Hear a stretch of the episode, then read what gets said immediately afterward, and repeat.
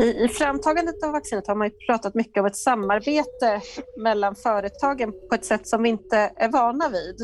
Mm. Eh, tror du att det arbetssättet på något sätt kommer kunna leva kvar om vi vill ta fram andra nya preparat, vacciner, läkemedel?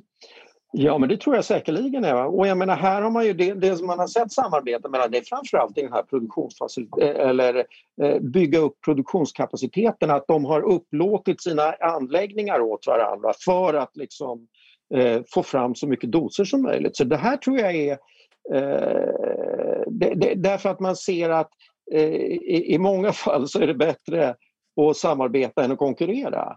Och eh, jag tror ju lite grann att det här vi har ju varit i den här eh, sitsen nu att alla vill lösa problemet. När problemet inte är lika akut då finns det ju möjlighet att man går tillbaks kanske till de här lite mer revirmarkerande positionerna. Men det, det, får vi se. Va? Jag tror ändå att det här eh, det har ju byggt ett samarbetsklimat som är väldigt spännande tycker jag.